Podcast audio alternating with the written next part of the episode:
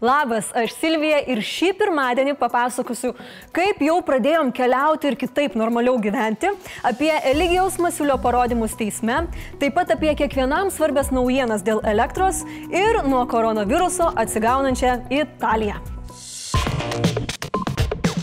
Jaučiat tai? Tokį, tokį kažkokį palengvėjimą, ne? O va darželinukų tėvai tai tikrai jaučia, nes šiandien iki mokyklinukai jau grįžo į darželius.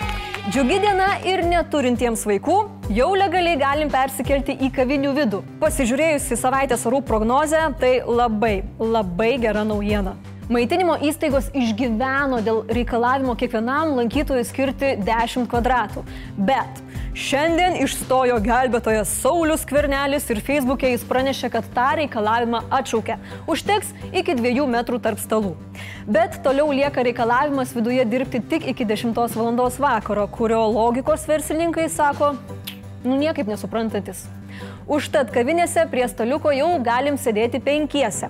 Tai jeigu eisit poromis, gali tekti nuvaskinti, kieno antroji pusė liks namie. Hm? Kalbant apie laisvesnį karantiną, dalis piliečių laisvę jau tikrai pajuto ir dar savaitgalį dūmė pas kaimynus. Vidaus reikalų ministrė Rita Tamušūnė pranešė, kad atvykstančiųjų ir išvykstančiųjų srautai pas Baltijos kaimynus padidėjo iki 20 kartų. Tai jei kas iš Latvių mus dabar žiūri, labvakar. Šiandien teisme buvo feelingo Feelingo. Feelingo. Prieš ketverius metus su 106 tūkstančiais eurų stumbro dėžutėje pagautas buvęs liberalų sąjūdžio lyderis Eligijus Masiulis davė parodymus. Ne, neskubėkit traukti popkornų, Eligijus sekė seną, gerą, bet jau atsibodusią pasaką. Dėžutėje buvo paskola nekilnojamam turtui įsigyti, kurią tarp kitko jis jau gražino, niekas niekam įtakos nedarė, nieko paveikti nesiekė, ministrų kandidatūrų nederino, tik Kurlenskio jų pavardės pasakė. Iš viso su MG Baltic prezidentu bendravo tik todėl, kad buvo svarbu išgirsti kažkieno nuomonę, nes, kaip sakė pats ekspolitikas, visuomet gerai turėti pažinčių ir palaikyti ryšius su žmonėmis žiniasklaidoje. Beje, Raimondą Kurlenskį į teismą atvydėjo Giedrius Danielius. Taip, taip, tas pats, kuriam neseniai pareikšti tarimai dėl bandymo šantažuoti STT pareigūnus. Žodžiu, visų susirinkusių bendrą nuotrauką galima būtų naudoti filmo Aušino šešetukas posteriui. Ir tikėkime, kad tai jau paskutinė užsitęsusios istorijos dalis ir jokių remake'ų nebebus. Nuo liberalaus masiulio pereikim prie liberalios elektros. Jos liberalizavimas reiškia, kad nuo kitų metų elektros kaina nebebus reguliuojama valstybės, o mes visi galėsim patys pasirinkti savo tiekėją, kurio paslaugos ir kainos labiausiai patinka. Kitaip tariant, rinksimės tiekėją iš meilės, o ne todėl, kad valstybė supiršo.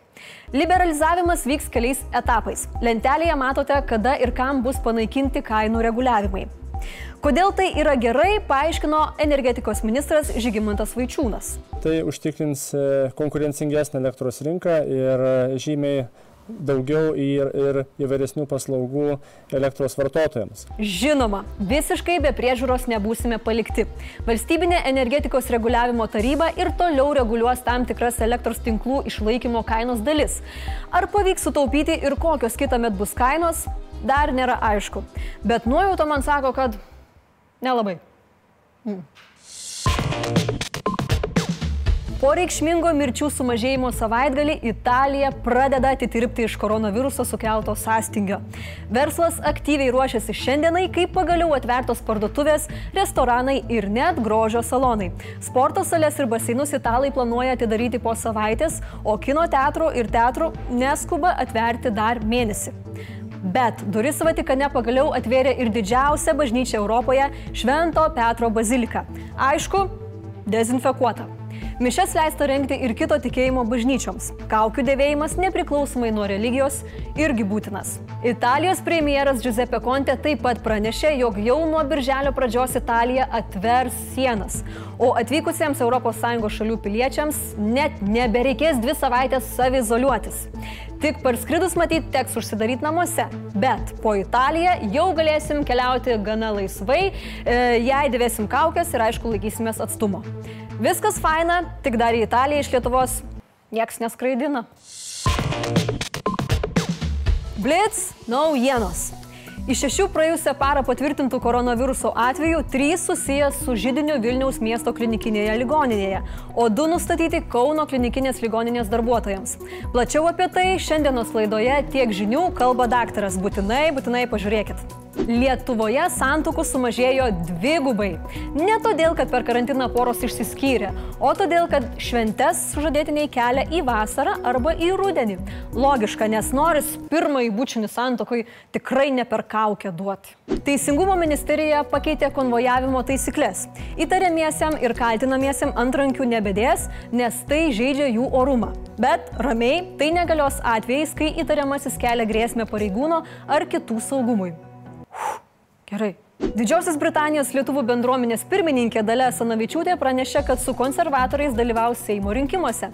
Tai čia kaip gaunasi, kad konservatoriai gražina emigrantus namo? Hm? Krepšinio legendos Michaelo Jordano sporbačiai Air Jordan aukcione parduoti už 560 tūkstančių dolerių. Tai yra didžiausia už krepšinio batus paklota suma ever. Tai kol tūlas amerikietis per krizę nesėkmingai ieško darbo, kažkas už pusę milijono nusipirk savo batus.